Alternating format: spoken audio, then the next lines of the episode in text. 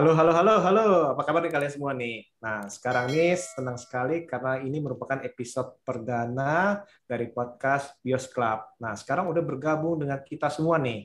Ah, ada banyak sekali teman-teman dari Bios Club. Apa kabar nih semuanya nih? Baik, baik, Baik, baik. baik, baik. Wah, sehat-sehat ya? Ya, Oke. Nah, Siap, pada, siap. Pada episode perdana ini kita akan membahas sebuah film uh, Indonesia yang cukup fenomenal dan istilahnya uh, menjadi banyak perbincangan uh, di media massa ataupun media uh, internet istilahnya. Nah, uh, film ini sendiri uh, meraih uh, 17 nominasi di FFI dan memenangkan 12 piala uh, FFI 2021. Nah, sekarang ini kita pengen membahas film Penyalin Cahaya. Stop, stop, stop, stop, stop!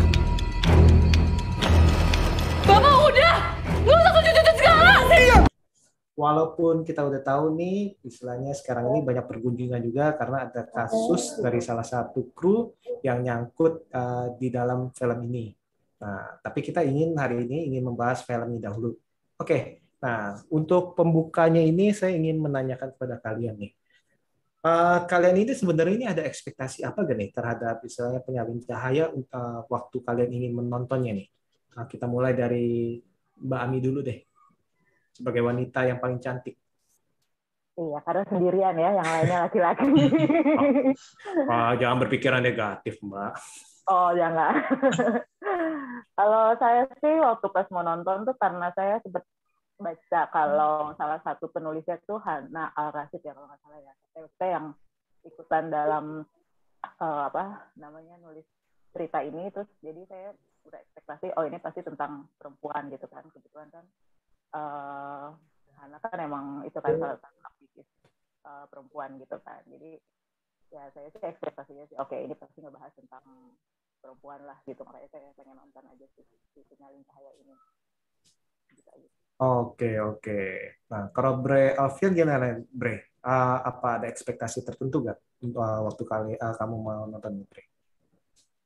Eh, sebenarnya setelah dengar-dengar ada kabar penyalin saya itu menang banyak di Piala Citra ya di FFI itu, jadi lumayan tinggi sih antisipasinya untuk nonton film ini gitu. Walaupun eh, beberapa hari sebelum film ini keluar tuh muncul terkuak terduga kasus itulah ya. Dan itu eh, sebenarnya langsung eh, secara pribadi kayak ah udahlah maksudnya kayak nggak aku pikirin dulu lah maksudnya jangan ter terpengaruh itulah langsung ya udahlah kayak langsung aja nikmatin aja dulu gitu.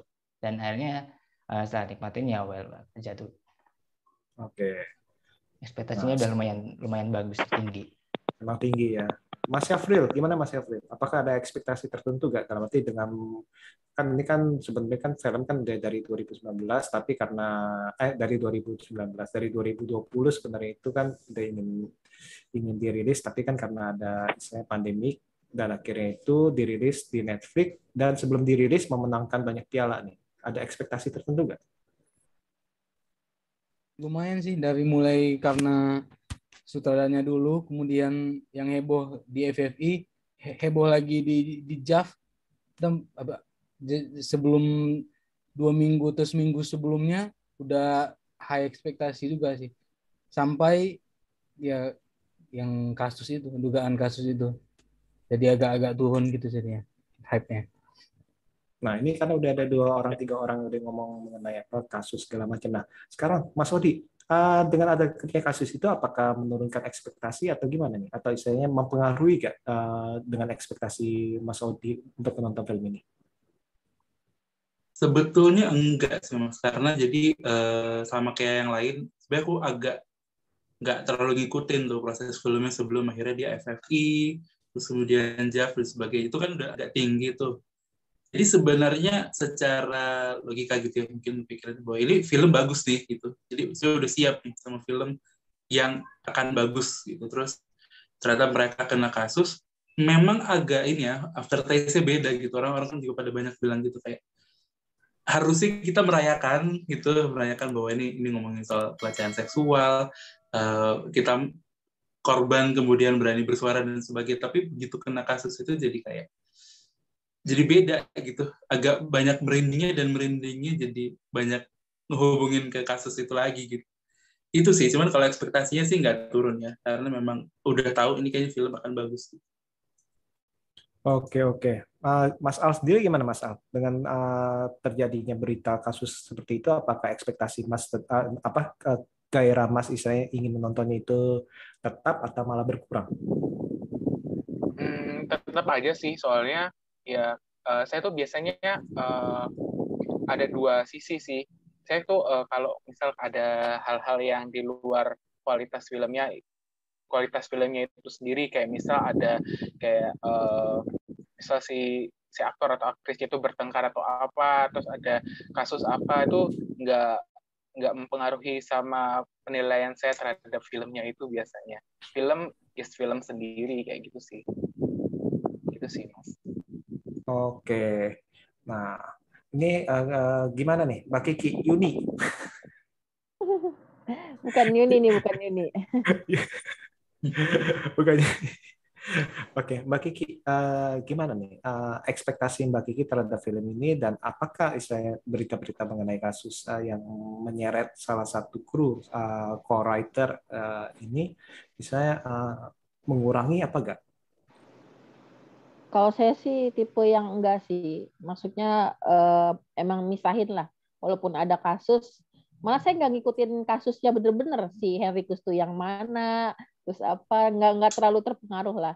Tapi eh, langsung aja pengen tahu sih segimana bagusnya sampai bisa 12 eh, piala ini dapetnya kayak gitu. Jadi kalau saya bukan tipe yang terpengaruh sama berita-berita sih kayak gitu jadi oh. ekspektasinya oh. memang udah tinggi kayak gitu. mantep mantep tinggi ya iya. mantep ya. mantep nah Rido gimana Rido Uh, setelah tahu ada kasusnya itu gue langsung kayak merasa sebenarnya agak kecewa ya karena udah tahu kalau sebelumnya itu udah ngepromosiin kalau film ini tuh emang uh, bakal mengedepankan bagaimana kasus pelecehan seksual itu terjadi. Gue tuh udah senang banget kan akhirnya Indonesia tuh udah mulai sadar gitu soal ini gitu dan berharap dengan filmnya orang makin sadar apalagi dengan pakai pemain itu remaja-remaja yang sekarang lagi digandrungi jadi kayak anak-anak zaman sekarang itu bisa lebih paham gitu. Terus ketika gue tahu ini ke Netflix gue agak kesel sih kayak aduh kenapa ke Netflix sih?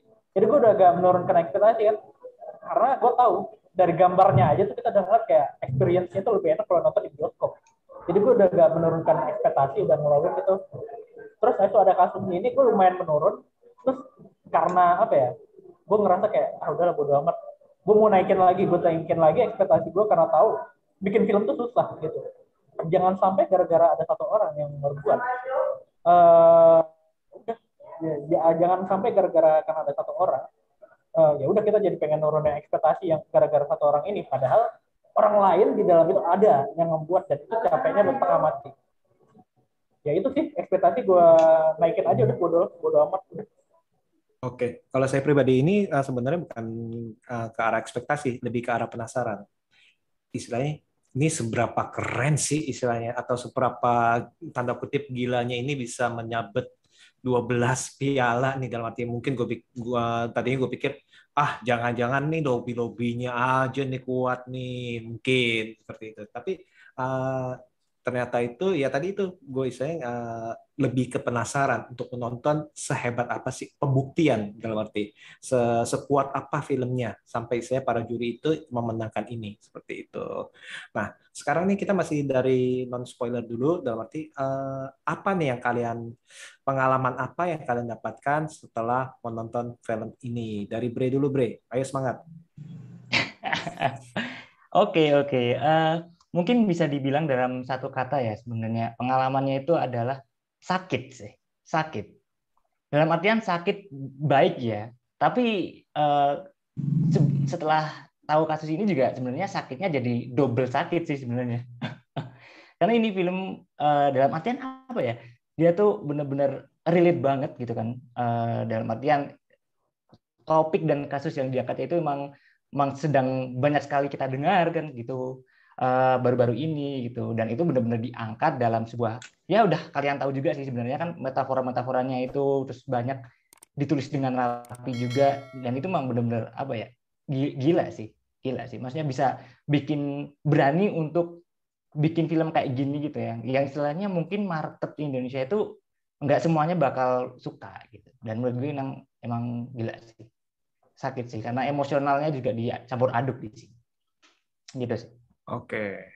Uh, sakit ya. Nah kalau Mas Syafril gimana Mas Syafril? Uh, pengalaman setelah menonton ini? Apa yang didapatkan?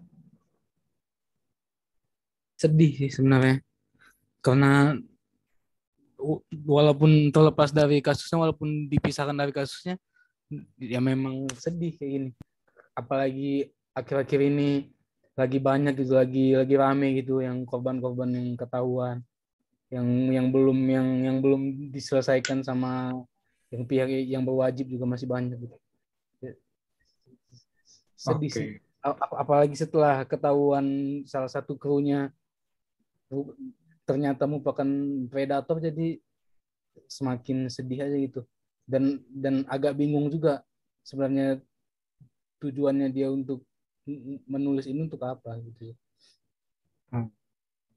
Karena kita tahu ini kita masih belum dapat kejelasan bahwa uh, sebenarnya ini uh, oknum kita ngomong oknum atau istilahnya tersangka atau terduga tersebut ini uh, seberapa besar uh, istilahnya um, keterlibatannya di dalam penulisan uh, film ini.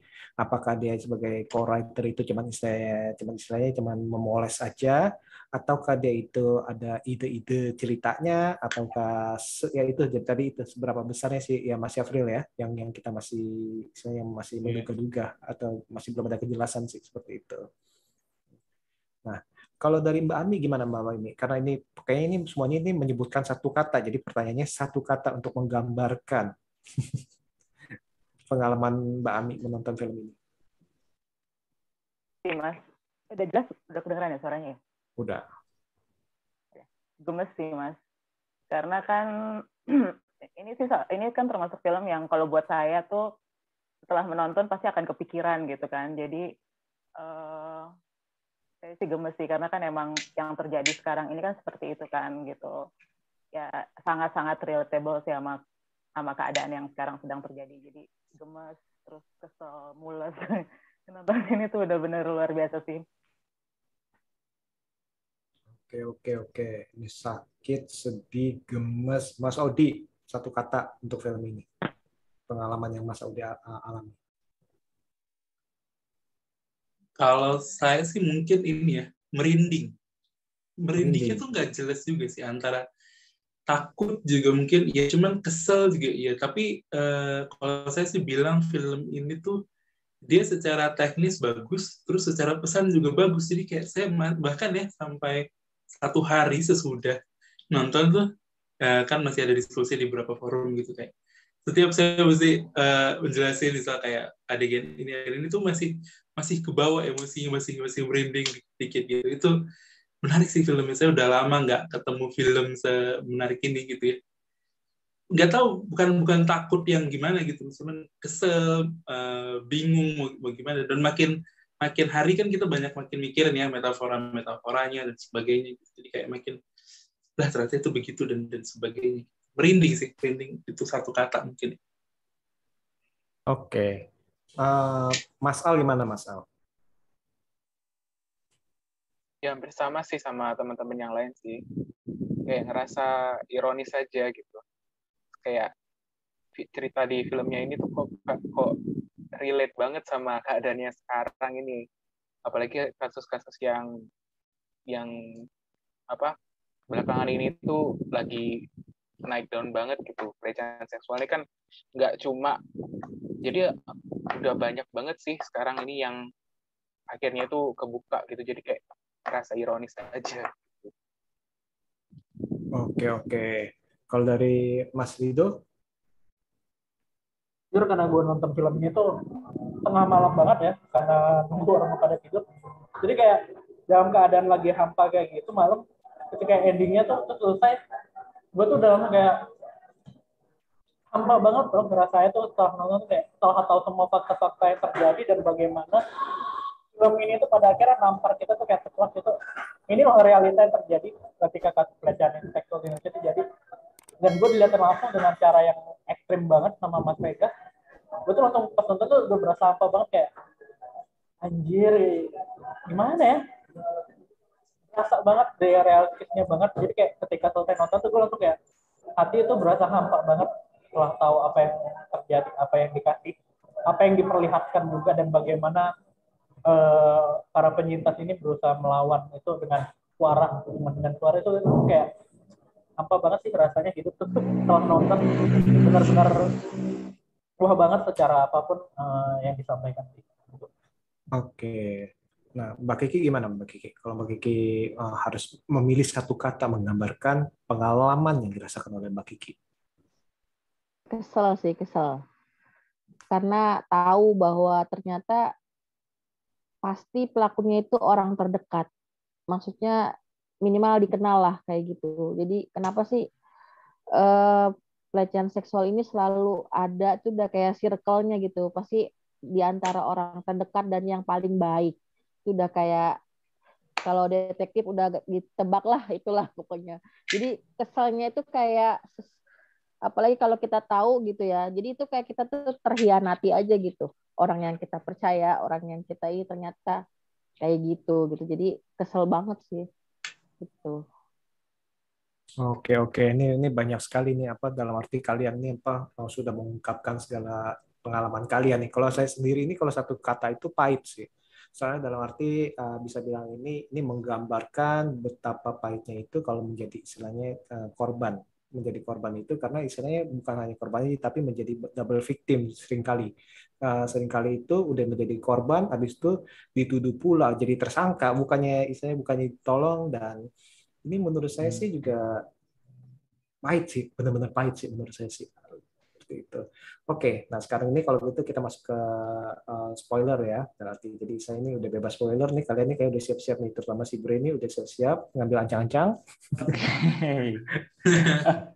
ya, mengeluarkan kekesalan ya. sakit nah. juga nih. masih gimana apa ya apa? Itu masih kalau mau ah. ngomong tuh kayak hmm. aduh. Ayo, ayo apa? Apa yang kamu ngomongin? Langsung ngomongin aja nggak usah ditanya. Nggak ditanya. Aduh. Gila sih, maksudnya sampai sekarang itu yang seperti yang udah dibilangin tadi ya sama Mas Audi juga ya itu tuh masih kepikiran aja gitu walaupun udah selesai nonton gitu. Dan setelah ini sebenarnya mau aku apa ya istilahnya mau coba ngerasain nonton lagi gitu tapi nggak kuat gitu rasanya kayak nggak mau sakit lagi gitu loh. Karena ini emang apa ya benar-benar gila banget film ini tuh penyalin saya itu.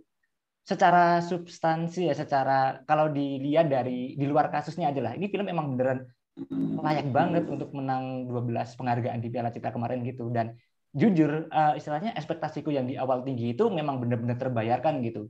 Sepanjang film tuh benar-benar apa ya dibawa naik turun sama emosionalnya gitu kan. Dibawa nangis juga dapat emosi juga dapat sesek juga dapat gitu kan ya.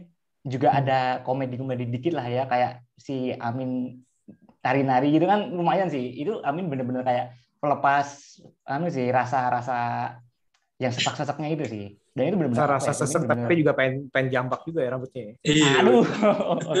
ya, Masa dia. Yang, gue tuh pengen jambaknya malah pengen jambak itu bapaknya si. yang benar-benar itu tuh anaknya sendiri anaknya kan si Sur ini kan itu aduh kok kayak gitu banget sama si Sur gitu hmm. hmm. ya gitu, gitu gitu dulu aja dah kayaknya kalau aku ngomongin semuanya nanti nggak dapet jatah yang nah, nah Oke, jadi sik, uh, istilah tadi itu gila sih. Ini ini film memang gila banget. Nah, istilah sakit yang tadi Mas uh, Bre bilang itu sakit itu sik itu sik yang positif. Wah, ini ini sakit banget nih, hebat banget nih filmnya apa sakit? Aduh, ini kayak nyus banget nih kayak Mbak Ami sama Mbak Kiki kan uh, sakitnya kan lebih ke aduh ini sakit banget nih menyakitkan hati atau sakitnya oh you are so sick istilahnya keren nih istilahnya pujian. Gimana? Lebih ke arah mana? Dua-duanya sih sebenarnya. Dua-duanya, oke. Okay. Nah kalau dua-duanya kita, sih. Kita ke ini deh, Mbak Kiki apa Mbak Ami dulu nih? Nah, Mbak Kiki dulu deh. Mbak Kiki. Nah, karena uh, mewakili ungu kesukaan saya, jadi saya milih Mbak Kiki. Maaf ya Mbak Ami ya, bukan teman apa. Saya suka ungu soalnya. Ungu pada. Oke, nah Mbak Kiki, uh, momen yang paling menyakitkan yang Mbak Kiki lihat di film ini apa? Untuk Mbak Kiki yang ketika Sur harus berani mengakui kesalahan padahal enggak gitu yang di videoin sama bapaknya sendiri itu. Gimana sih, gimana? jadi eh, gimana kita harus ngomong minta maaf padahal kita nggak ngerasa salah dan nggak ngelakuin kayak gitu jadi itu kayak nggak bisa bohong dari mulai getaran bibir mata. Ya udahlah yang penting karena bapak kita yang minta kayak gitu. Jadi ya udahlah kayak gitu. Tapi di situ benar-benar kalau kalau saya dalam posisi itu belum tentu bisa kuat kayak sur kayak gitu kan. Itu ya actingnya Senina Yes. gila banget sih di situ. Hmm, hmm. Bahkan dari gerak uh, tubuhnya tadi itu uh, gerak gerak kecil mikro mikro yang mikro itu tadi itu uh, dari mata uh, gerakan bibir itu kita tahu nih betapa menyakitkan ini. Kalau Mbak Ami gimana Mbak Ami? Yang paling menyakitkan? yang terakhir sih yang Rama joget-joget itu sih mas itu sih sakit banget sih maksudnya dia hmm, apa ya ya dia kan dia kayak kayak apa sih kayak ngenyek gitu kayak kayak gue nih menang nih gitu. Apa sih lu? Lu gak akan bisa apa-apa gitu. Gue punya kuasa. Itu kan kelihatan banget dari mukanya dia gitu kan. Sampai si Sur sama Farah ya. Eh, itu kan nggak bisa ngapa-ngapain gitu kan. Itu itu sih sakit banget sih. Itu itu di situ tuh saya sampai kepikiran itu. Itu astaga ya emang begitu ya. Dia bisa bisa gitu. Si pelaku bisa sebegitu menyakitkannya gitu loh. Eh, dia nari-nari dia seneng-seneng. Terus dia kayak apa sih kayak gitu loh. Kayak apa sih kayak lah lu tuh nggak bisa apa-apa pokoknya gue yang menang lah lu nggak akan bisa ngapa-ngapain gitu. Itu sih sakit banget sih. Eh, kita fokus dulu nih kedua ini nih ini dua ini memang memang menarik nih istilahnya nih yang dari menari-nari dan uh, dari yang tadi. Nah Mas Odi Mas Odi melihat scene sang bapak merekam dan istilahnya orang-orang pada di belakangnya si Sur uh, sendirian. Nah itu apa nih Mas uh, Mas Odi tangkap sebetulnya yang menarik dari scene itu tuh eh, mungkin pada saat itu jadi kan ada ada perpindahan kamera gitu kan. Pertama kita ngelihat sur terus kayak gitu jadi surnya. Aduh itu sakit banget menurutku itu jauh lebih sakit sih ngelihat kita jadi sur terus lihat ada bapaknya ada ada teman-temannya dan sebagainya dia direkam tuh itu sakit banget. Aku justru ngera- lebih ngerasa itu tuh mereka mindahin dari ngelihat sur terus kita jadi surnya tuh aduh itu sakit banget sih. Itu yang kayak gil bagus penempatan kameranya dengan dengan setting lokasi yang sempit banget terus sendirian semua orang di depan dia kayak minta dia ngaku padahal dia nggak salah apa apa juga sebetulnya gitu itu itu paling sakit sih dari adegan itu jangan lupa juga ada pelakunya juga di situ ya iya ya ada Rama di situ ya. iya ya. itu makin parah mau rasa kalau jadi Parah Sur itu bisa ngambil batu bata di bawah tuh ya. kirain akan ada plot twist kayak Oh, saya akan ya. mengakui bahwa Rama yang salah terus dia yang lempar batu gitu ternyata enggak Nggak berani soalnya ada pengacaranya juga di situ. Ada pengacaranya juga di situ.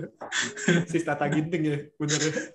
ditanda gitu juga ngeselin itu maksud pasnya kayak aduh parah banget parah itu dari situ pokoknya dari mereka di, di, di ruang dasar sih udah sampai ke belakang itu sih Mas Syafril, Mas Syafril, gimana Mas Syafril di scene itu?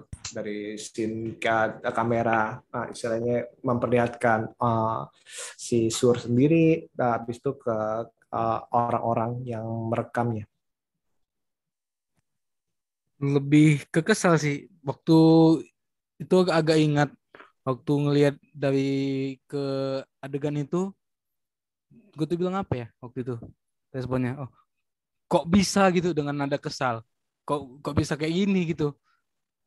Arah sinnya kok kok jadi ke situ gitu? Yang waktu dia disuruh untuk meminta maaf di depannya.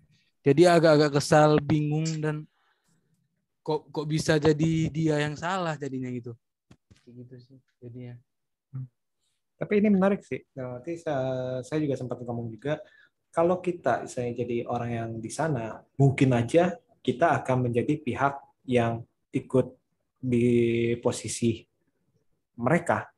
Karena mungkin ada ada ada beberapa kemungkinan kemungkinan yang yang paling sering nih, mungkin kita nggak mau nggak mau ribet. Kalau saya saya ikut campur ke posisi orang yang kita bilang terduga salah, ah nanti nanti uh, bawah ke bawah masalah dalam arti Tapi misalkan kalau saya yang kedua itu, kalau saya eh, pengen nolong dia, tapi kan tadi itu dia mabuk-mabukan, kan dibikinnya kan bagus nih, dia mabuk-mabukan, dia ini jangan-jangan salah juga. Terus yang pas Salah. pas pembuktian di di CCTV pun udah salah, dalam arti kan. Nah itu kan jadi ya kalau saya jadi mereka, saya juga akan berpikir, eh, saya berpikir juga nih, nih saya mau maju apa enggak nih, soalnya ini tuduhan pertama udah salah nih. Walaupun kita tahu misalkan kalau ini orang yang dipojokin sendiri, kita tetap harus bantu dalam arti seperti itu. Nah, sekarang nih ke scene yang Mbak Ami yang menarik nih. Istilahnya kan tadi kan bilang tuh yang menari-nari nih. Kalau kalau itu tuh kalian menangkap apa nih, Mas Vito? saya ya. Scene Perseus. yang menarik ya Perseus itu ya itu tuh kalau yang saya tangkap dia itu merayakan kejayaan keberhasilan kemenangan dia gitu jadi kan kayak kita melihat dia menceritakan satu cerita yang sebenarnya mirip dengan apa yang terjadi di sini. Dan itu kayak berusaha kayak nih ada nih cerita yang mirip dan nasibnya mirip sama kalian bertiga. Kan Gorgon bersaudara kan ada tiga ya. Jadi situ dilihat ada tiga. Ada si Tur Anggun eh Anggun. Tur Farah, Farah. sama si Tarik. Tarik. Jadi kayak ngeliatin tiga bersaudara Gorgon dia datang tak bertiga. Lalu dia merayakan kemenangan dia. Ya cara dia merayakannya itu dengan dia akhirnya berhasil membungkam mereka bertiga gitu. Terus dia nari ya itu untuk nunjukin kalau dia itu menang udah nggak ada yang bisa kalian lakukan lagi dibakar udah habis udah jadi kayak benar-benar ngeliatin eh, orang yang menang dan ngeliatin penjahat yang menang gitu. dengan cara yang ngeselin banget sih ngeselin banget gitu Sama Tarya Joker nggak selan ah, lebih serem mana?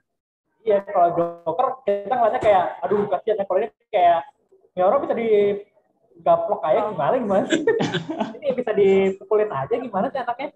Beda gitu reaksi kita ketika ngeliat dia nari sama Joker nari itu beda banget gitu. Kalau kita ngeliatnya kayak, oke dia sakit, mungkin dia butuh bantuan. Kalau ini kayak, astaga ini nggak ada yang bisa jambakin rambut dia apa gimana sih? Gimana sih?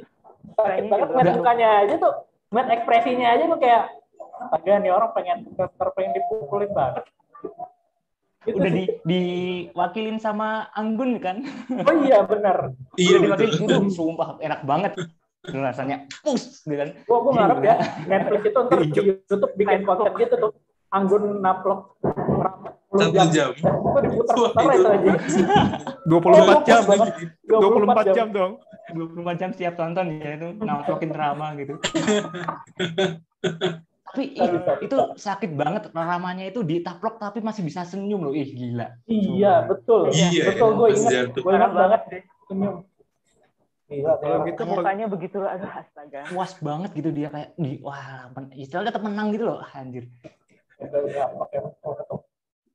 Nah, kalau gitu tuh penggambaran dari Rama itu oleh si Giulio uh, Parengkuan itu menurut kalian uh, bagus gak nih Mas Al nih? Kan tadi itu pada udah udah ngomong tuh pengen gue injuk, pengen gue gaplok, pengen gue apalah. bagus banget sih aktingnya sih. Jadi kayak orang apa ya sakit jiwa sih kalau menurut saya sih. Yang yang awalnya dia tuh pelaku terus tiba-tiba kayak kayak merasa kayak apa ya kayak punya kuasa gitu bener-bener total sih aktingnya dia sih di situ. Terus yang saya suka juga di sana kan eh, adegannya itu kan eh, latar itu ada fogging fogging gitu ya Hmm. itu tuh nggak nggak nyangka gitu ternyata itu adegan itu dipakai gitu awalnya tuh saya kira kok adegan-adegan fogging itu cuma adegan tempelan aja di depan-depan ternyata itu sampai belakang itu juga juga dipakai gitu adegan itu ternyata itu sih menurut saya sih. Nah, ini udah udah tadi udah si si Bre udah ngomong soal uh, metafor, terus si Mas Al udah ngomong fogging. Kita langsung ngomong metafor aja kali kita buka ya. Kayak udah pada Boleh, gergetan nih. boleh, boleh. Teori-teori. Mengubur itu 3M itu ya. Kan bukan bukan MCU ya. ini ini teori-teori penyalahan cahaya nih, Ci. Nanti judul di sini nih Teori teori-teori. Ci. Iya. Oh, mas sama masa sama MCU. Nah, metafor. Metafor-metafor apa yang kalian sudah dapat dan uh, kira-kira apa nih yang kalian uh, kalian tangkap dari metafor tersebut? Kita mulai dari siapa nih? Um, Mbak Ami dulu ya.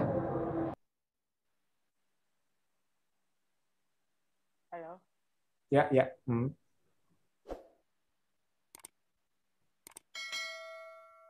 Halo, Mbak Ami?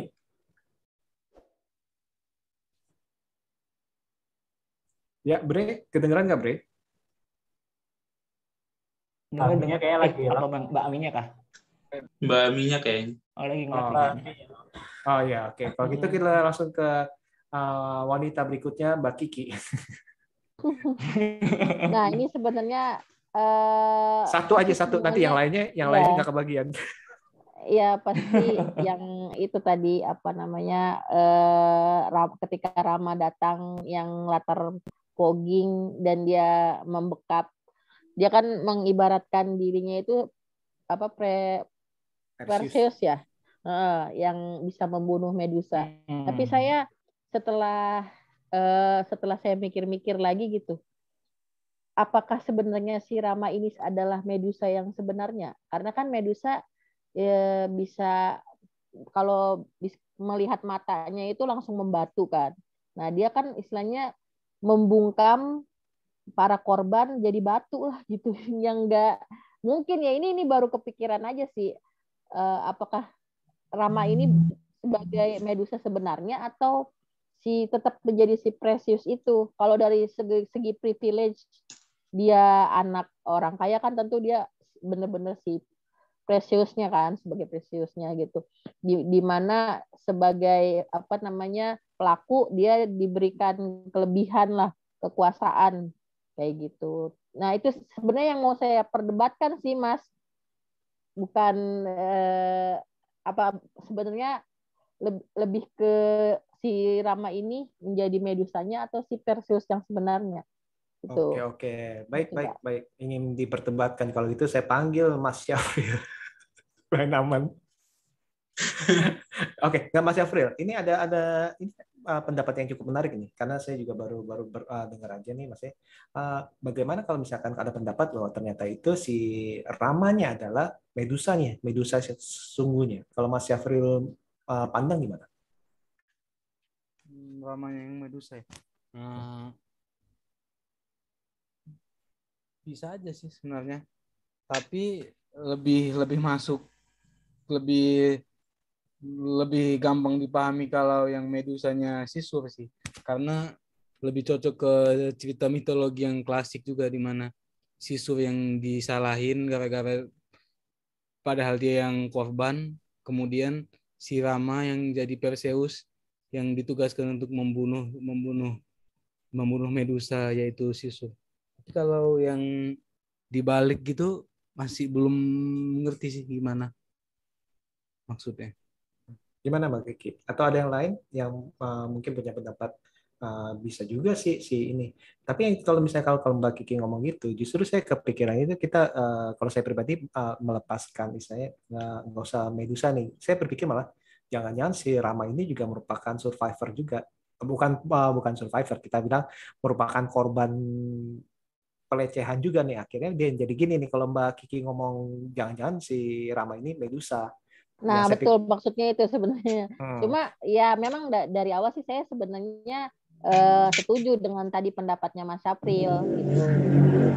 Cuma eh, pas mikir-mikir lagi, oh iya kan eh, kok apa sih metafor sampai dia ada adegan ngebekep terus kemudian sampai kayak nge- ngebatu lah kayak gitu. Oh iya kan Medusa juga bisa bikin orang-orang jadi batu kayak gitu. Apakah itu untuk membungkam juga? Nah, itu sih sebenarnya. Cuma saya setuju dengan Mas April, saya sendiri lebih menginikan si Sur sebagai eh, karakter perlawanan dan harapannya itulah dari si Medusa itu. Gitu sih. Uh, dan yang tadi itu uh, yang akhirnya itu membuat kita uh, membuat saya bukan kita mah membuat saya berpikir ya mungkin aja nih pengen digambarkan juga nih si si Rama ini dulu ini merupakan korban juga nih yang akhirnya itu jadi pelaku. Nah itu saya nggak tahu tuh itu mungkin bisa berkembang lagi tuh seperti itu.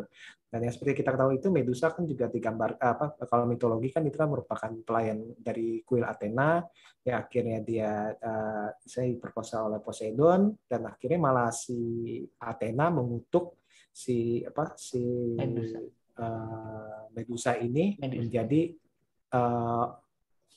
Sosok kita bilang ya sosok ya istilahnya tanda kutip monster berambut ular yang uh, dengan menatap siapa pun itu orang yang menatap matanya akan menjadi batu. Nah ini yang yang sempat saya ngomong ini uh, justru nih lucunya itu kalau kita ingin melihat seseorang berkata jujur adalah kita menatap matanya.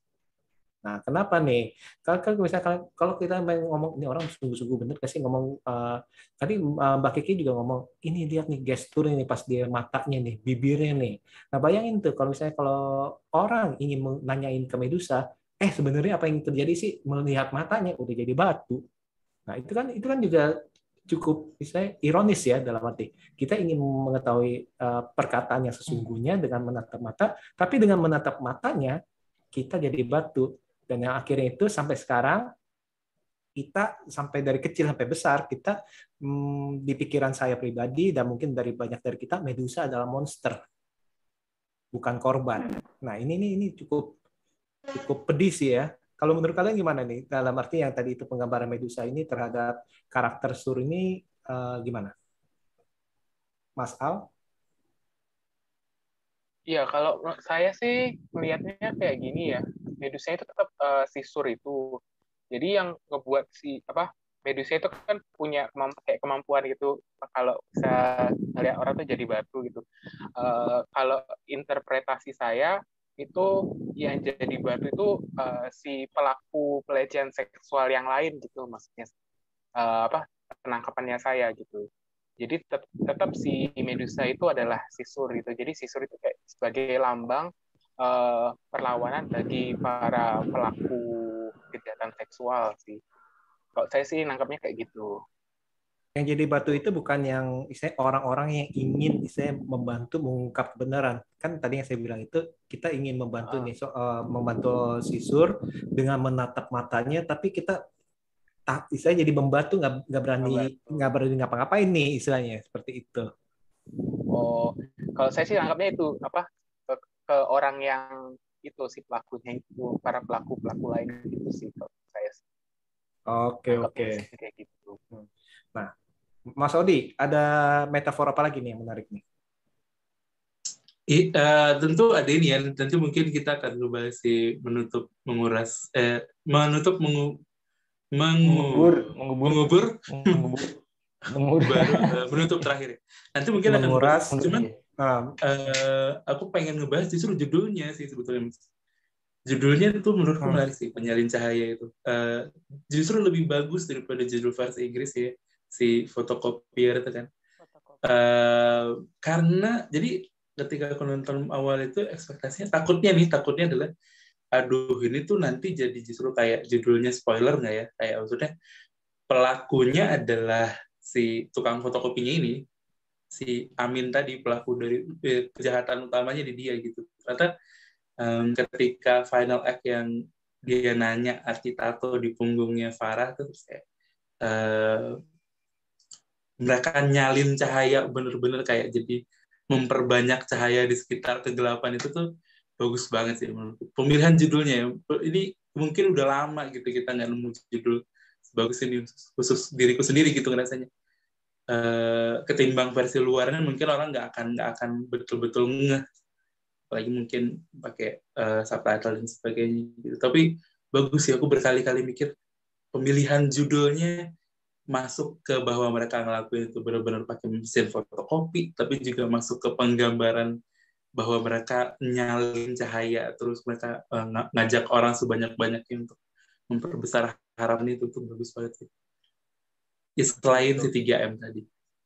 Hmm, hmm, hmm. Benar sih, dan arti ini juga kan dari namanya aja uh, Suryani kan, terus habis itu ada apa kampus matahari segala macam ya, apa sih? Iya, iya. Nah iya, itu iya. segala macam itu kayak ini cahaya nih. Walaupun memang mungkin aja juga di satu sisi juga ingin uh, ya tadi itu fotokopier ya mungkin aja emang berhubungan dengan foto, mesin fotokopi tuh iya, segala macam Amelia, segala macam ya? nah, Amelia. Nah sama aja nih saya teringat uh, ini apa uh, mentega terbang Wah, mentega oh, terbang iya. itu judul itu keren tuh mentega terbang apa nih ternyata pas di Inggrisin Oh, spoiler. nah, mungkin kayak gini nih, ya, mungkin kayak gitu tuh istilahnya seperti itu sih. Hmm, ini ini dari judulnya keren juga sih. Nah, apalagi nih, uh, Bre, ada nangkap apa lagi nih? Eh, barusan nangkep eh, pas eh, Mas Tiawan bilang namanya Sur Suryani kan cahaya, penyalin cahaya gitu kan. Teaternya matahari gitu. Itu kayak eh, setelah eh, gue pikir gitu ya, kalau di rangkum itu di diolah-olah lagi gitu kayak eh, sebuah cahaya di sini itu itu kayak bener-bener satu cahaya di balik semua kegelapan. Apalagi posternya pun juga eh, nuansanya gelap juga kan gitu. Dan di situ kayak benar-benar si mesin fotokopinya itu sebagai penyalur cahaya untuk muka Suryani itu benar-benar kayak ini loh, misalnya si fotokopi ini, si penyalin cahaya ini juga ikut membantu gitu. Dan itu benar-benar kayak terikat semuanya dari awal gitu kan sampai akhir mesin fotokopinya juga kepake gitu nggak sekedar judulnya aja yang fotokopier tapi benar-benar dia itu sebagai salah satu secercah cahaya di dalam semua kegelapan itu yang membantu Suryani yang ternyata di teater Matahari itu juga banyak juga korban-korban di sana gitu kan. Karena di akhir kan endingnya itu benar-benar mereka muncul tuh satu-satu tuh yang kayak oh ini kayaknya pernah lihat deh gue deh. Oh ini juga iya deh. Mereka ternyata juga berani mengungkapkan lagi kan setelah ada satu secercah cahaya gitu kan dibantu sama si Amelia si Farah gitu kan. Itu benar-benar kayak eh, dipikir-pikir lagi ini memang benar-benar kayak ih shit gila. Ini penulisannya emang setuju banget. Rapi tapi ya aduh balik lagi kan penulisannya. Iya, itu dia. tragis karena yang nulis juga. Aduh. Ini gila sih.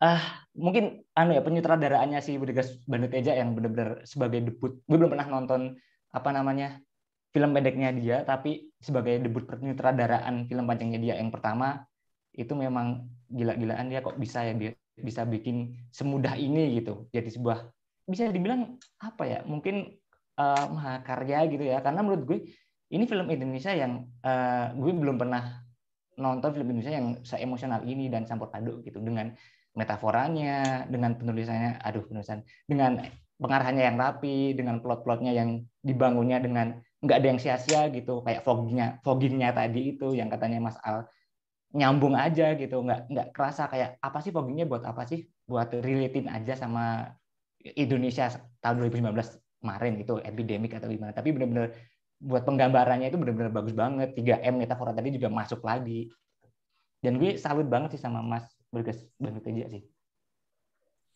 Oke, oke, oke. Nah, ini eh, dari tadi ini kan ngomongin fogging, fogging, fogging. Nah, Mbak Ami, menurut Mbak Ami itu foggingnya itu ada arti apa nih?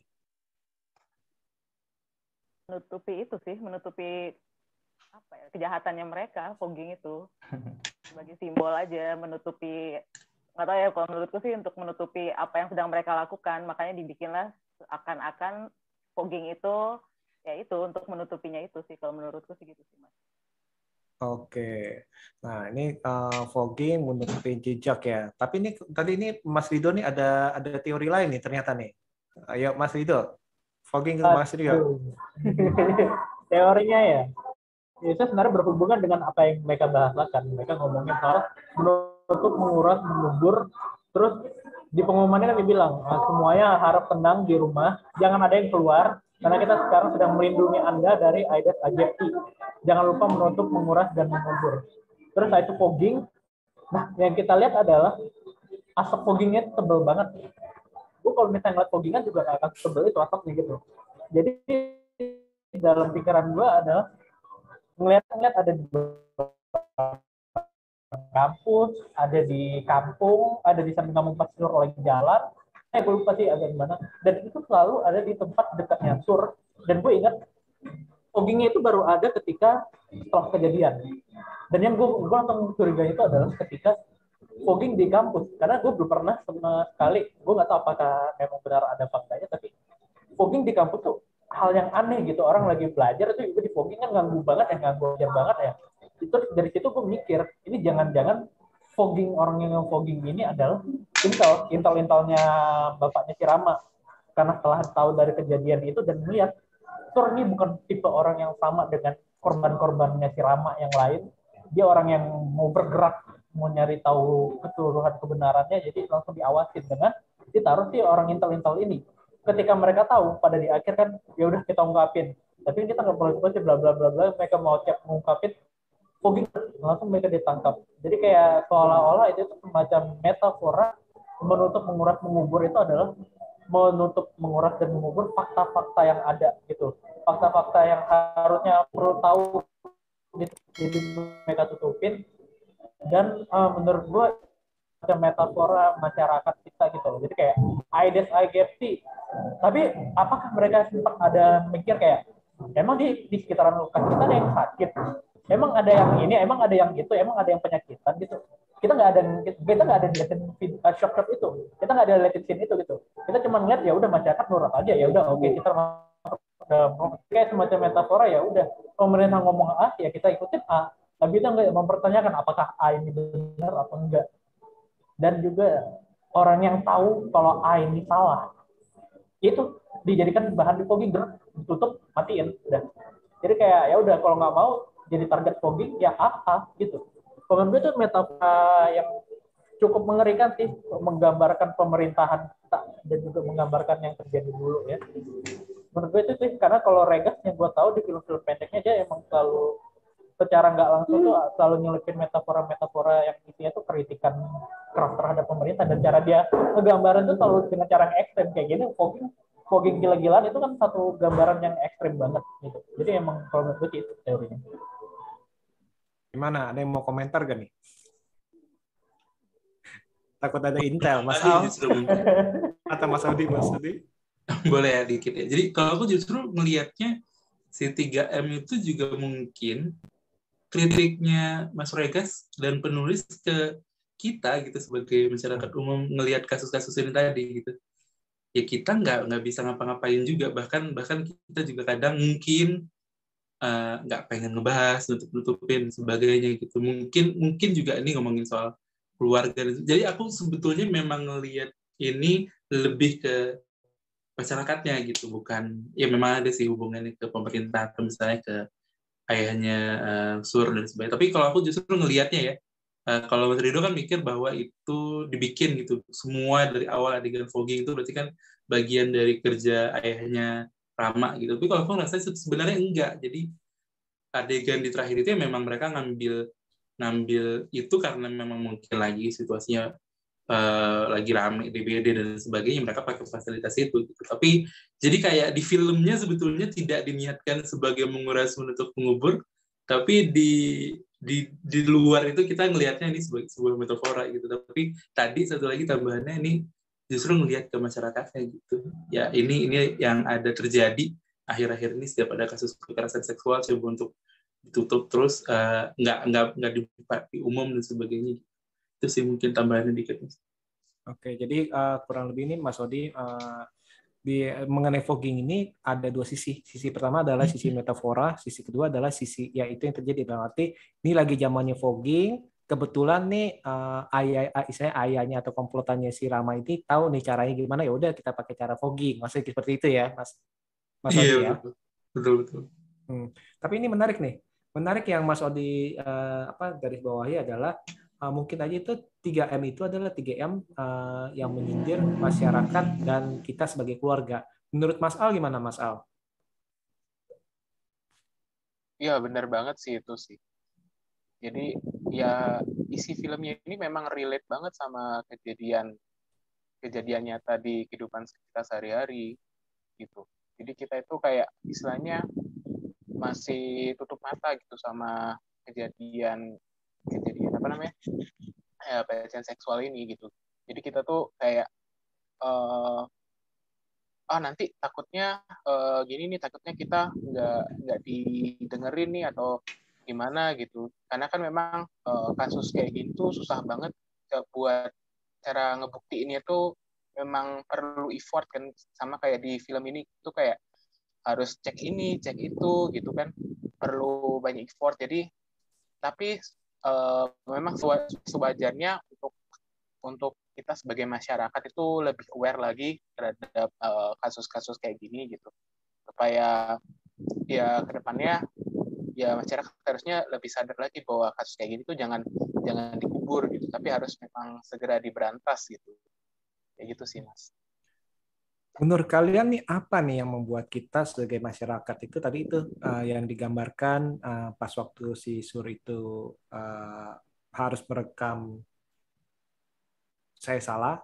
Uh, jadi banyak yang di belakang. belakang daripada si bahkan di sisi pelaku dan nanti nggak mau nggak mau ini. Kira-kira nih apa nih sih sebenarnya uh, permasalahannya masalahnya apa sih sebenarnya ini? Kalau dari Bre?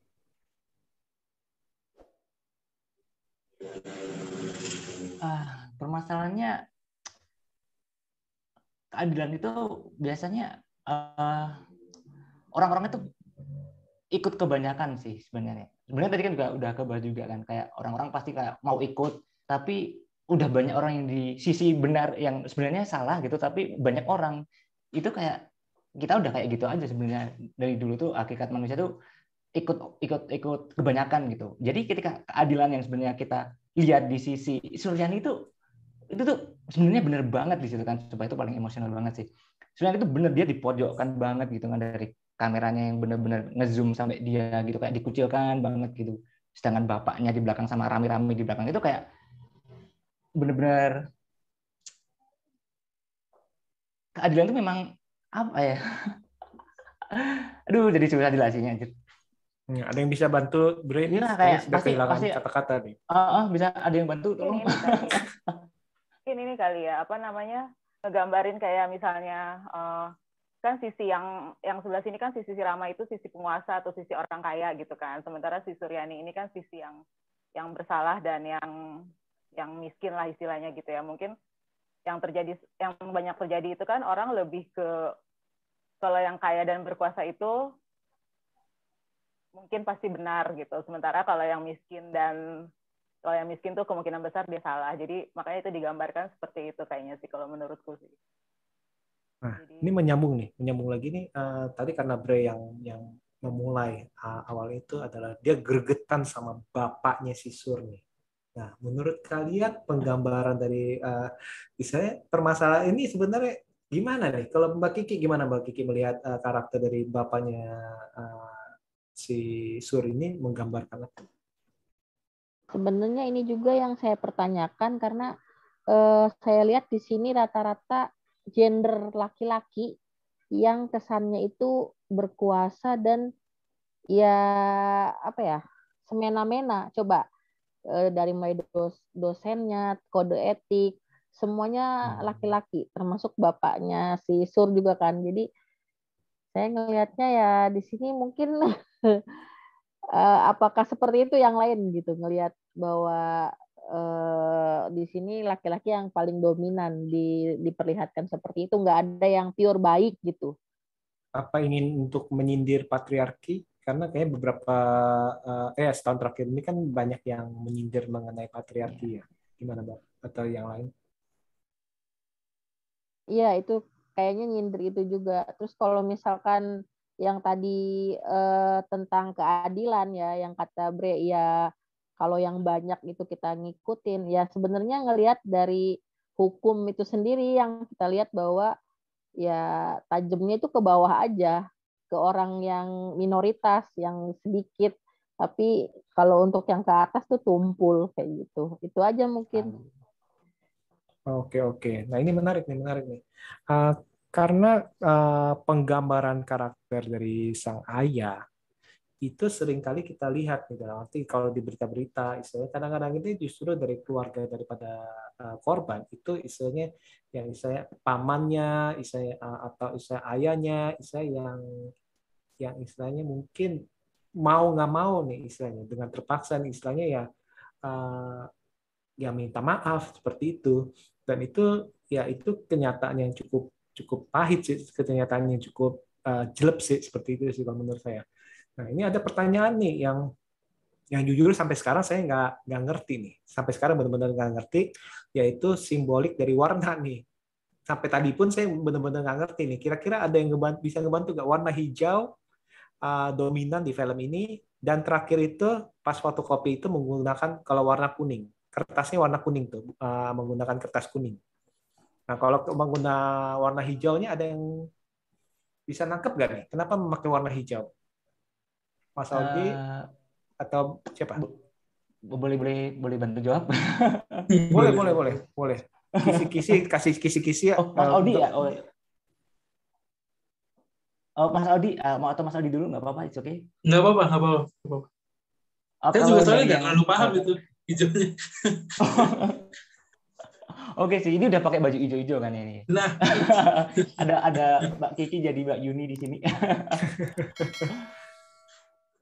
jadi eh, dari yang jadi setelah nonton gitu kan kayak kok ini pakai sinematografinya banyak yang pakai hijau-hijau sih gitu kan nuansanya itu gue cari-cari gitu kan di Google gitu kan.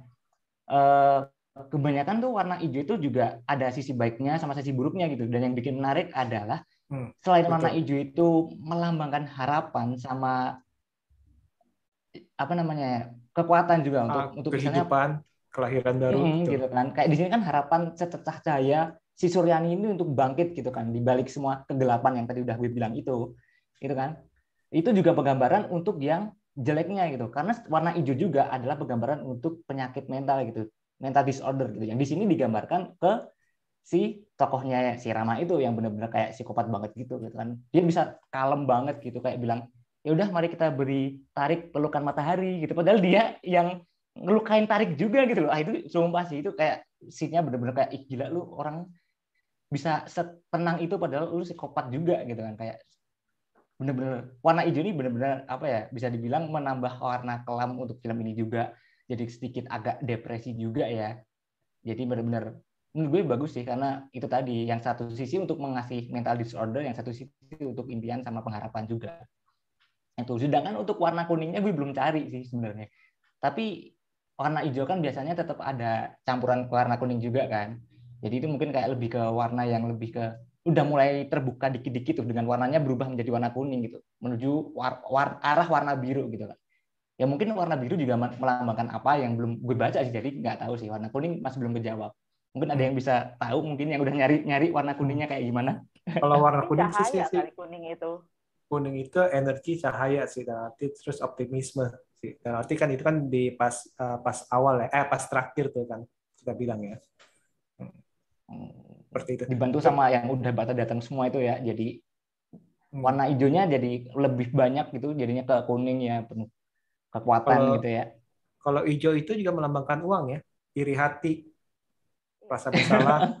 Ah, ini hijau itu ah, melambangkan uang iri hati rasa bersalah. Apakah ini dan juga kelahiran baru hidup? Nah ini kan kita nggak tahu nih. Hijaunya ini nih bercampur-campur kan di sini kan. Dalam arti kita nggak ngerti nih. Dalam arti dari ah, sang sinias ini ingin menggambarkan hijau ini nih. Gimana Mas Audi? Tadi ma- ada mau nambahin apa nih? Mengenai warna. Sebetulnya sama sih sama-sama. Nggak nggak ngerti juga arahnya mau ke mana. Tapi mungkin ya eh, sambil aja ngasih apresiasi scene fotokopinya bagus-bagus loh menurutku gitu ya. Eh, apalagi di akhir ketika mereka benar-benar kelihatan ngambil dari bawah dari sudut pandang si fotokopinya tuh bagus-bagus sih menurutku. Pindah-pindahnya mesin fotokopinya jalan tuh tuh bagus sih. Lagi-lagi warnanya sih belum terlalu paham juga gitu hijau, hijau kenapa. Tapi memang eh, warnanya bagus sih si filmnya color gradingnya gitu menurutku ya. Agak-agak gelap eh, dan kayak si Shaninanya juga kan dibikin lebih eh, lusuh gitu ya. Mungkin bukan yang kayak cantik apa gimana putih apa tapi itunya juga bagus gitu menurutku. Dan sama belum belum terjawab juga sih soal hijau tadi ya. Tapi kalau kuning mungkin benar harapan sih. Oke Eh. oke. Nah kuning sama hijau itu dilihat aja Mbak Mbak Ami hijau iya itu benar Benar. kok bisa ngepas ya kok bisa ngepas Iya. banget ya Emang sengaja. kuning juga emang mas ya sengaja. Syahril Agung juga terkonsep sekali Mas Yaf- Mas Emang Yafril nih kuning nih harapan Mas Yafril penuh optimis Oke oke. Nah eh, ini kalian ada ada yang pengen ditambahin nggak nih? Hal-hal yang menarik kalian temukan? Kira-kira ada nggak? Dari Mas Rido, Mas Yafril, Mas Al, Mas Bre, Mas Audi, Mas Kiki, eh Mbak Kiki kok Mas Kiki, Mbak Eh, Kiki, Mbak eh, Ami, boleh nggak? Sebenarnya Hmm, silakan. eh, eh, eh, boleh nggak? Boleh nggak? Satu lagi nggak? Boleh, boleh, boleh, boleh. Eh, sebenarnya eh, balik lagi ke pasar Indonesia ya yang pada ributin masalah endingnya yang katanya kok endingnya kayak gini sih kayak kurang greget gitu. Kok aduh kok kayak gini maksudnya nggak ketangkep sih si Rama atau gimana gitu. Dan itu benar-benar kayak mereka pada bilang ih endingnya kayak membanggongkan gitu karena kayak nggak terselesaikan gitu nggak happy ending gitu. Nah itu tuh gue tanyakan kepada kalian itu menurut kalian endingnya itu menurut menurut kalian tuh kayak gimana itu kalau dari sudut pandang uh, melihat dari pasar Indonesia yang melihat film ini tuh endingnya kayak masih membanggongkan gitu itu gimana? Membagongkan itu maksudnya membagongkan itu mencengangkan atau mengecewakan? Mengecewakan. Mungkin lebih ke kayak Iya. Mungkin bisa lebih ke itu sih kayak kok gini sih gitu. Kayak nggak dapat happy ending gitu loh kan mostly mostly loh mostly nggak nggak nggak nggak semuanya juga kayak pengennya happy ending gitu kayak ngerasa kurang gitu loh. Kalau aku dari lihat dari uh, komentar-komentar di YouTube itu kayak pada ngerasa kurang gitu. Kayak ih lucu endingnya kayak kurang sih gitu. Kalau kata gue ya kenapa orang-orang ngomong kayak gitu adalah karena kebanyakan orang Indonesia itu terlalu sering dikasih happy ending gitu. Film-film apa pun segalanya romance horror apa segala action apa segalanya selalu dikasih happy ending. Jadi ketika dikasih ending ini kalau kata gue ini bukan sad ending bukan bad ending tapi ending yang realistis gitu. Dia ngasih satu hal yang realistis udah. Ini penyelesaian yang realistis ya kayak gini. Menurut lo gantung menurut lo apa ya bodoh. Tapi penyelesaiannya nyatanya yang kita lihat sekarang ya kayak gini. Ya udah ya kayak gini tuh ya kayak gini. Ada nggak lo lihat ada satu kasus pelecehan seksual di Indonesia yang udah beneran tuntas nggak ada. Sama sekali nggak ada. Satupun apa pun yang kita lihat nggak pernah ada. Apakah pelakunya ditangkap nggak tahu? Apakah ini kita nggak tahu? Jadi kayak nggak ada endingnya ya. Nggak ada endingnya. Bahkan yang di dunia yang ada yang nggak ada ending. Masa di film mau dikasih ending happy ending cuma gara-gara film gitu. Jadi kayak kalau misalnya yang kecewa menurut gue ya itu karena mereka terlalu banyak dikasih makan film-film dengan happy ending gitu. Karena kita juga sering gue juga pernah nonton gue film nonton apa ya? Film soal pelecehan seksual tuh saya kira happy endingnya adalah si pelakunya itu dikasih dikasih apa namanya? Pelajaran gitu orang langsung tenang hmm, ngerasain loh udah kayak gini. Tapi ketika mereka dikasih ini mereka nggak siap gitu. Mereka nggak benar-benar nggak siap. Bahkan sepanjang film kita benar-benar nggak siap gitu kalau kita akan dikasih tujuan ini. Ditambah lagi dengan endingnya gitu kita nggak siap. Jadi kayak menurut gue ya ini tuh ending yang realistis bukan dan emang seharusnya ya kayak gini. Nggak nggak happy ending gitu. Ya pokoknya kalau misalnya ada happy ending satu kasus di Indonesia yang soal pelecehan seksual boleh lah kasih happy ending nggak apa-apa. Mas Edi, ayo Mas Edi. Gimana komentar mengenai endingnya? Atau ending ini menjadi dibahas karena yang nonton itu nonton setelah kasus ini dibicarakan. Jadi kayak nitpicking gitu gitu kan. Eh, soalnya kalau kita lihat mereka yang nonton sebelum kasus ini eh, diungkap ke publik kan nggak ada komentar apa-apa. Endingnya malah powerful gitu kan bahwa perjalanan ini baru dimulai gitu loh. Jadi ketika kasus ini diungkap kemudian orang nonton dengan terpaksa dan sebagainya gue ngeliat kayak ada yang apa ya kok ini jadi gak jadi nitpicking gitu. Jadi kayak dicari-cari. Tapi mungkin nggak karena kalau mohon maaf mohon maaf misalkan kalau yang kemarin itu kan uh, diputar di festival JAV kan kita bilang kan. Mm -hmm. Itu kan festival jam otomatis kan uh, mungkin kita ngomong mm -hmm. itu adalah uh, cukup cukup istilahnya uh, tersaring nih penontonnya nih. Mm -hmm. Sedangkan kalau di Netflix kan istilahnya kan siapa saja bisa nonton, bahkan uh, mereka yang ikut-ikutan kita ngomongnya, mungkin ikut-ikutan nih trending nih number one nih. Saya dia nggak tahu kasus apa apa nih uh, trending nih number one kan kadang-kadang kan kalau kita buka OTT kan, wah oh, ini trending number one, number two, number three, wow langsung pick aja lah tanpa kita tahu. Uh, mungkin nggak karena istilahnya kalau yang waktu uh, di awal pemutaran adalah kebanyakan uh, mereka yang memang udah tersaring penontonnya, sedangkan pas yang disebar di kalayak umum, terutama di OTT, terutama di OTT ini bukan hmm. di bioskop ya, hmm. terutama di OTT, jadi lebih lebih umum penontonnya. Kalau bicara mungkin, mungkin aja sih, gitu ya, e, mungkin aja. Tapi kalau gue melihatnya sih eh, orang yang nonton secara casual juga komentarnya mungkin nggak sampai masuk ke sana gitu. Kalau kita lihat orang yang komen kayak gini kan yang memang mereka yang sering nonton juga gitu loh. Jadi eh, punya sedikit wawasan gitu paling enggak gitu. Ada wawasan di di di dianya gitu. Tapi dia pilih untuk komen. lihat eh, thread hari ini aja gitu. Mereka tuh yang sebetulnya penonton film gitu bukan casual hmm. movie goer gitu tapi memang penonton film. Dan Bahkan sampai kalau gue ngeliat kayak nitpicking kayak yang mana nggak ada kabelnya fotokopinya gitu nggak kelihatan dibawain kabel. Ayolah gitu. Itu sih. Betul betul. Kabelnya kok nggak kelihatan ya? Mungkin punya fotokopinya itu pakai baterai atau tenaga surya portable portable. Iya jadi kayak eh, menurut gue ya jadi kayak nyari nyari kalau memang mau nyari kesalahan kita akan nemuin kesalahan. Apa pun Hmm. itu gitu. Di karya apa pun itu kita akan nemuin itu. Gitu. Menarik menarik. Eh, tapi kan yang penting message-nya adalah bahwa ini ada kasus diangkat lugas gitu kan? Eh, dengan cara yang dibuat ngepop. Ini penting banget dibuat ngepop karena supaya message-nya sampai ke semua orang gitu kan ke sebanyak mungkin orang. Lalu dibuat serealistis mungkin dalam arti memang banyak mentok kok kasus ini. Gitu. Kalau ada yang mempertanyakan kenapa sur? Udah udah jadi korban di, dikorbanin lagi. Ya memang sering kok kejadiannya kayak gitu Iya, gitu dalam merah. ini bukan glorifikasi pelaku tapi memang kenyataannya kan kayak gitu kan. Itu loh. Kayak tadi eh, Rido bilang memang kayak gitu. Kasus kekerasan seksual apa yang tuntas di sini? Gitu. Nah tapi endingnya sendiri juga kan ngasih harapan bahwa yuk solidaritas unity gitu ya. Ini korban ayo berani bicara.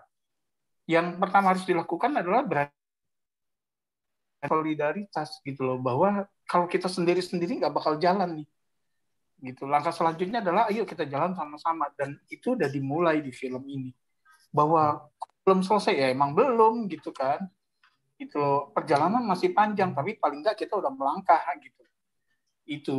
Nah ini menarik So, nih. makanya jadi kalau ada yang bilang ini endingnya enggak ini hopeful kok endingnya tapi si Rama nggak dihukum. Ya faktanya kayak gitu.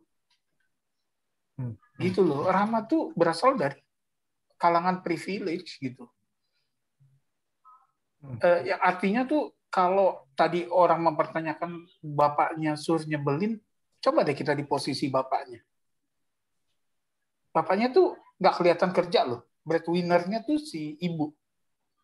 Kemudian si anak ini kuliah yang per semester 4 juta gede loh buat dia gitu loh. Dia nggak tahu harus kayak gimana bisa dapet itu gitu loh. Sementara ada orang yang janjiin sampai selesai saya biayain. Gimana nggak tertarik? Dan dia meminta maaf itu menyalahkan Sur tapi kan untuk masa depan Sur juga supaya Sur bisa ngelanjutin kuliah. Gitu. Bapaknya mungkin di lapisan luar nyebelin tapi he did it for his daughter juga. Dan kita harus ingat bahwa Sur ini juga kan bukan tokoh yang putih. Dia ngelawan orang tua atas nama pergaulan. Dia udah diingetin oleh dua orang loh nggak cuma sama bapaknya tapi sama Farah juga. Hmm. Setuju. gitu betul betul betul setuju setuju setuju nah ini menarik Nah, makanya menarik. kalau ada yang orang juga mengecam, kok film ini menggambarkan Sur punya salah? Ya kenapa? Secara drama malah bagus. Karakter yang terlalu hitam putih itu membosankan gitu kan? Hmm. Gitu. Nah, ini menarik nih. Tadi eh, Mas Edi sempat ngomong nih, istilahnya sempat menyindir apakah ini glorified dari istilahnya eh, perbuatan eh, pelecehan atau malah eh, ingin mengajarkan kita, memberitahukan kita nih eh, me- istilahnya malah yang positif. Nah, kalau Mas Yus sendiri melihat ini sebagai dibuat nih untuk wah ini nih dalam arti ini untuk glorified, untuk kepuasan dari tanda kutip eh, sang tertuduh sekarang ya. Sekarang masih tertuduh, tertuduh ya sekarang ya. Nah, apakah ini sebagai saya glorify perlakuan mereka, uh, dia perlakuan dia, atau ini sebenarnya mempunyai niat baik nih film ini? Kalau kalau Mas Yus menonton ini, nangkepnya gimana? Eh, sorry sebelumnya karena di jalan, jadi kalau bersikup sorry ya.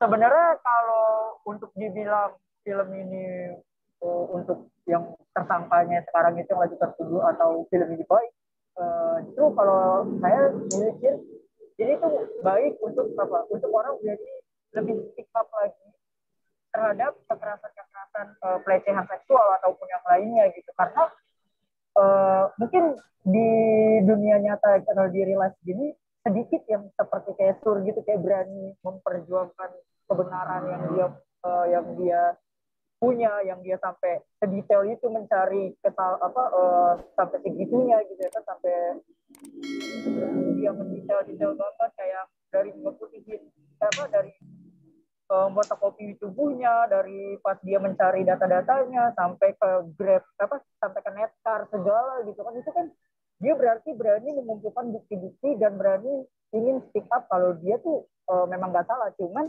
dengan tujuan ada tujuannya sebenarnya dia apa ya uh, ada rada rada ini juga sih uh, dia berkelakuan seperti itu karena ada tujuannya ya untuk mengambil beasiswanya kembali gitu. Jadi kayak ada suatu sampingnya itu dia berani berspeak up tapi ada tujuannya gitu. Bukan untuk mengungkap sesuatu kebenarannya gitu. Bukan mengungkap untuk uh, berani untuk sikap yang siapa sih yang uh, di balik dalamnya ini gitu. Enggak tapi dia malah pengen untuk ngembaliin beasiswanya dan ngembaliin mungkin nama baiknya dia juga gitu kan. Nah tapi, uh, eh, dari film ini mungkin orang-orang dia disuruh uh, belajar untuk speak up biar lebih berani lagi. Kalau memang ada pelecehan-pelecehan seperti itu ya ungkapkan aja gitu nggak perlu takut gitu. Mungkin dari film ini sih kayak gitu yang uh, yang saya tangkap sih gitu aja. Oke oke. Nah ini pertanyaan terakhir nih sebelum kita tutup. Uh, mengapa uh, menurut kalian atau gini, menurut kalian apakah film ini istilahnya uh, perlu ditonton oleh para pendengar? Bila ya, kenapa? Bila tidak, kenapa? Kita mulai dari Mas Syafril. Uh, kalau menurut saya ya sebenarnya apakah perlu ditonton atau tidak perlu ditonton itu pertama tergantung kepada penontonnya dulu. Apakah memang udah benar-benar siap mau memahami filmnya sebagai sebuah karya seni atau atau masih masih terlalu bias gitu. Karena karena kalau dipaksakan udah terlalu bias akan selalu negatif kayak yang dibilang sama Mas Edi tadi akan selalu mencari-cari mencari-cari kesalahan dibanding mencari apa, apa yang ingin disampaikan oleh filmnya. Tapi kalau udah benar-benar siap, ya silakan ditonton karena memang filmnya sangat bagus untuk untuk menggambarkan realita dan nggak nggak terlalu happy ending atau sad ending, tetapi ending yang, yang realita dan dan memang terjadi di, di dunia nyata gitu. Dan benar-benar walaupun realistis tetap diberikan diberikan harapan lewat baik mesin fotokopinya yang melambangkan cahaya ataupun baik dari penggambaran untuk mengajak semua orang yang yang terkena seksual harassment untuk berbicara kepada publik. Jadi setelah setelah setelah siap seharusnya ditonton sih untuk untuk bisa memahami pesan-pesan yang ingin disampaikan. Oke oke. Kalau Mas Al gimana Mas Al? Menurut? Kalau dari saya sih wajib pakai banget banget banget sih. Ini salah satu film Indonesia yang menurut saya tuh uh, satu tahun sekali tuh nggak nggak nggak ini nggak muncul gitu loh. Jadi kayak uh, ya bagus sih kualitasnya selain kualitasnya bagus juga pesan yang disampaikan juga itu juga sangat powerful banget. Terus juga uh, dari segi apa kualitas filmnya sendiri itu jarang banget loh ada film Indonesia film drama yang ada unsur-unsur kayak uh, thriller-thrillernya gitu. Di untuk film Indonesia tuh menurut saya tuh apa uh, jarang jarang ada gitu. Jadi wajib banget buat ditonton. Gitu. Oke. Wajib pakai banget ya. Oke. Okay. nah Bre gimana Bre um, terlepas dari kasusnya yang menyangkut si co-writernya ya si Henrikus Pria ini, kalau dilihat dari segi filmnya itu sendiri tanpa kasusnya, ini film memang benar-benar bisa dibilang sebuah mahakarya film. Ini filmnya berani, ini filmnya tragis juga, benar-benar impactful, engagementnya benar-benar menarik perhatiannya banget dari awal nonton sampai akhir itu stabil banget, balancing, dramanya dapat, misterinya juga dapat, kokoh gitu, rapi juga semuanya dalam artian penulisannya, sinematografinya sinematik mulai dari opening singa yang benar-benar gila sampai scene Rama muncul dari fogging yang juga luar biasa. Actingnya yang benar-benar natural dan benar-benar simpati banget. Kita sampai nangis pun juga iya gitu kan. Dan endingnya yang menurut gue film Indonesia dengan ending yang baik juga ini, ini gitu loh kayak benar-benar endingnya itu powerful tragis tapi memukau gitu yang benar-benar kayak wow gitu dan iya film ini memang terlepas dari kasusnya ini film memang wajib ditonton juga karena memang sebagus itu jadi memang layak juga menang di FFI karena memang sebagus itu sih Oke, oke. Mas Yus, gimana Mas Yus? Oke, uh, terlepas dari skandal atau kasus yang ada dari uh, kita tahu gitu ya, film ini sebenarnya layak sih untuk, untuk ditonton untuk para pencinta film terutama. Ya kalau memang misalkan ini benar kata Mas Edi, saya juga setuju. Kalau emang nggak uh, nggak mau ininya nggak usah tahu lah mending lebih baik daripada nanti nyari-nyari kesalahan film ini gitu kan lebih baik nggak usah nonton sama sekali tapi kalau seandainya misalkan penonton ini tertarik dan ibaratnya dia pengen tahu uh, soal masalah yang diangkat yang diangkat di penyalin saya ini berarti worth untuk ditonton Oke oke oke sip. Jadi harus uh, supaya dalam arti supaya kita nggak bias ya dalam arti. Oke, nah sekarang uh, dari Mbak Ami gimana Mbak Ami? Uh, menurut saya sih ini film memang harus harus ditonton sih, tapi dengan catatan harus bisa nontonnya dalam keadaan legowo, tidak usah nggak usah bias seperti yang teman-teman tadi bilang gitu, karena uh, ini kan hasil karya banyak orang gitu kan yang harus kita apresiasi dengan segala sesuatunya itu. Jadi kalau kita mau mencari kesalahan ya semua film pasti ada salahnya, semua film pasti ada celahnya gitu. Jadi kalau buat saya sih ya tonton aja, tapi nggak usah nggak usah terlalu apa ya ya legowo lah dengan dengan harus siap dengan ending yang tidak sesuai harapan. Jadi ya tonton aja wajib kok. Semuanya keren sih semua semua pendukungnya, semua ceritanya, semua semuanya manis sih keren. Oke oke. Mas Aldi gimana Mas Aldi? Sebetulnya sorry, sebetulnya sama sih Mas teman-teman yang lain gitu. Kalau mungkin tanpa uh, maksudnya mengurangi rasa uh, empati ke teman-teman yang mungkin terlibat di kasusnya dan sebagainya menjadi korban dari uh, tertuduh gitu ya. Uh, mungkin kalau teman-teman mau nonton sama kayak Mas Syafril tadi mending lepasin dulu semuanya sih. Jadi nontonnya bener-bener bersih ini sebagai film aja. Karena filmnya bagus. Karena dia secara teknis bagus, secara cerita bagus, dan juga secara pesan juga penting gitu. Jadi memang memang sebaiknya ditonton. Tapi kalau memang cuma mau nyari kesalahan, cuma mau nyari eh, sebenarnya yang yang yang juga jadi ironi tuh kayak misalnya semua hal di film ini tuh jadi nah ini kan ini karena pelaku nih karena karena tertuduh nih jadi gitu. Itu yang itu agak kasihan gitu sebenarnya ke teman-teman tim penyalin cahaya yang udah bikin film sebagus ini gitu. Jadi mungkin benar kalau mau nonton lepasin dulu aja gitu maksudnya nonton sebagai film aja dulu. Uh, nanti mungkin kalau misalnya mau ada diskusi setelahnya ngebahas ironi-ironi boleh-boleh aja gitu jadi pelajaran. Tapi wajib ditonton sih tapi tadi netralisir dulu sih perasaannya untuk nggak bias teman-teman. Itu sih mungkin. Oke oke oke. Nah sekarang nih Mbak Kiki dan uh, boneka bearnya itu uh, kira-kira ini gimana pendapatnya? Aduh kayaknya udah disebutin semua ya kebaikan-kebaikannya.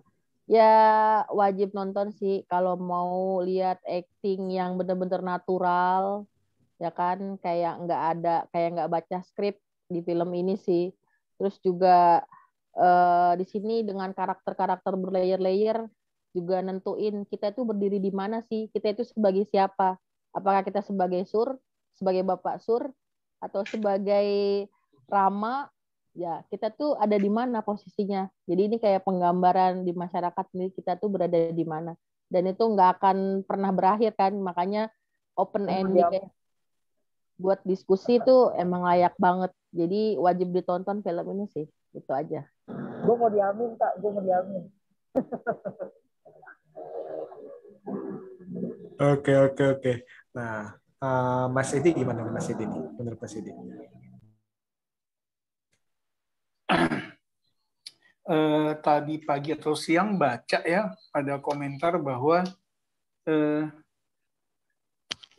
kan kayak anu ya sebagian kan merasa tadi agak ngulang nih merasa bahwa wah, eh, penyalin cahaya ini glorifikasi dari si pelaku gitu kan.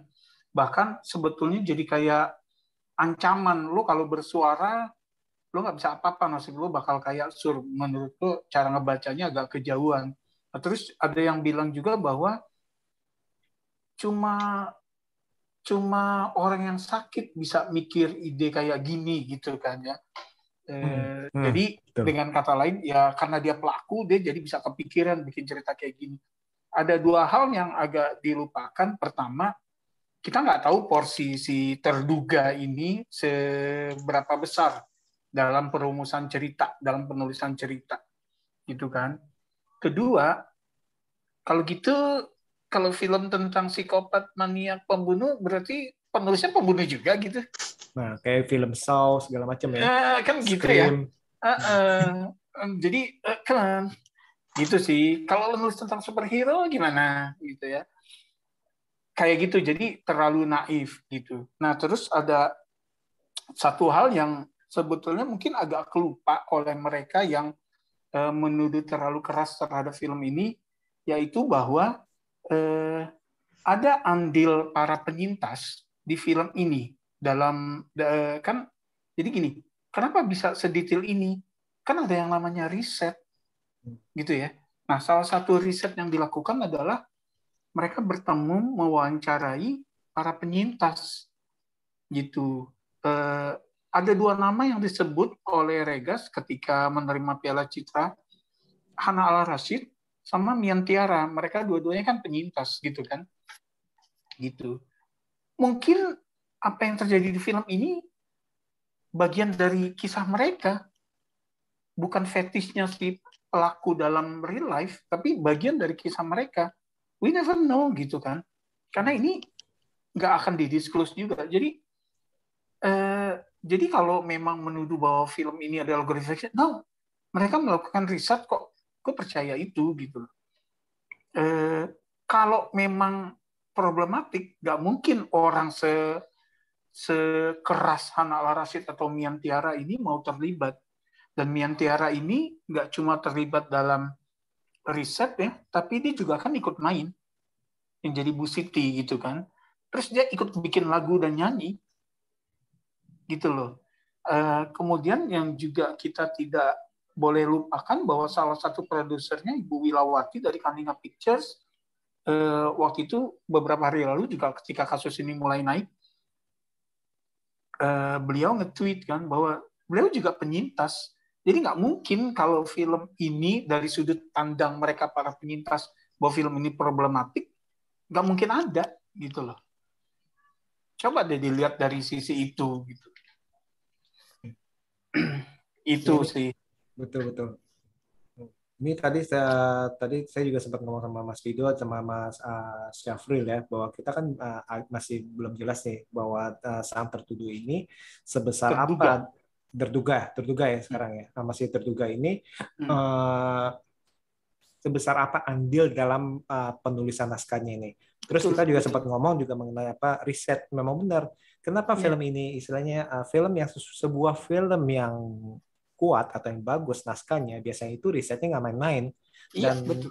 apalagi untuk niat saya sempat ngomong juga sama mereka eh, kita sempat ngomong juga nih bahwa nama apa eh, banyak film yang yang istilahnya ikut ombak dalam arti ikut ombak ini oh Iya. ini lagi eh, Black Lives Matter atau Iya. apa-apa-apa tapi misalkan buat yang ngasal-ngasal ya itu kelihatan kelihatan nih istilahnya Iya. eh, kayak kelihatan banget lah istilahnya apakah eh, cuma istilahnya ah, biar money oriented segala macam tapi kalau Iya. film ini entah kenapa kalau saya pribadi ini kok saya dapat pesannya ini bukan glorified saya dapat pesannya ini malah eh, mengajak kita untuk lebih sadar nih bahwa ini yang Mhm. terjadi bahwa ini yang yang ada nih di hadapan Iya. kita di lingkungan kita dan saya mungkin menepuk atau bahkan secara kasar itu menggampar kita untuk bangun bahwa mungkin aja kalian ini nih sedang di pihak yang di pihak yang seberang itu tuh yang sama sang uh, sang uh, terdakwanya itu tuh dalam Mhm. arti yang di pas uh, apa scene si sur uh, sendiri, terus ayahnya harus merekam dan istilahnya teman-temannya semuanya di belakangnya dia dan ada si ramanya. Nah itu mungkin uh, film ini bagi saya ini satu tamparan yang cukup semoga semoga semoga bisa membangunkan kita nih seperti itu nih. Itu sih benar sih mas. Hmm. Iya, jadi kalau tadi ya eh, eh, ketika adegan itu klarifikasi itu juga kan eh, kita kayak dikasih lihat bahwa kalau lo diam, lo gak bantu korban, maka lo ada di pihak sana, gitu ya, gitu. Eh, sepakat dengan itu. Oh sama satu lagi sebelum ditutup, gue rasa dari segala pembahasan ini kita sangat kurang membahas peran uh, Yenu Ariendra nih sebagai komposernya. Hmm. Jadi salah satu yang bikin endingnya itu sangat powerful adalah musiknya deh. Hmm, tadi Mas Syafri sempat ngomong Mas Syafri ya? Oh ya. Tadi ah, sempat ah, di pas waktu podcast bertiga ya Mas tadi. Podcast uh, sebelah. oh, di podcast sebelah. Nah, itu dia. Hmm. Coba nih kan karena OTT ya, jadi gampang kan uh, replaynya. Adegan endingnya itu coba mainkan tanpa musik beda rasanya. Hmm. Musiknya ini benar-benar yang ya kalau musik film kan ilustrasi to illustrate uh, terus uh, apa ya memperkuat visual. Nah di sini nih salah satu contoh uh, paling baik nih gitu ya, di mana musik bisa ngasih uh, tenaga gitu, energi ke ke adegan. Dan itu dia lewat piano. Kalau kita kan ada nih ya sutradara handal Indonesia nih yang kebaca banget giliran orang dipaksa sedih dia naik nih cue-nya orkestra. Jeng gitu. Ini nggak kayak gitu.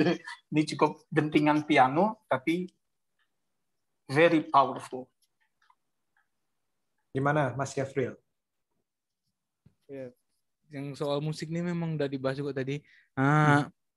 yang buat endingnya powerful dan makin kerasa itu memang dari musiknya kan di hmm. dengan akhir nggak ada dialog cuma cuma gambar diiringin sama musik gitu dan hmm.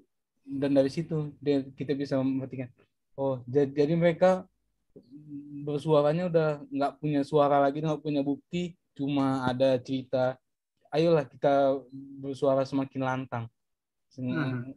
mengajaknya ke situ sesuai dengan isi tatonya Farah ya iya di dalam kegelapan saya bekerja ya. Iya. Nah, Itu. Mas Aska, gimana Mas Aska? Ada Halo semuanya, sorry baru join. Dengar nggak suaranya? Dengeran. Uh, lagi bakar kembang ya? Di depan median. Jadi apa Gojek. Oke. Okay. Ke closingan aja ya langsung ya. Langsung ke kesan aja deh uh, penyalin cahaya film yang sangat penting, sangat impactful, sangat uh, wajib tonton. Kita harus jangan terlalu terusik sama apa yang dilakukan sama Henry Putria selaku co-writer. Tapi kayaknya kita harus lebih berjurus ke arah sur aja deh.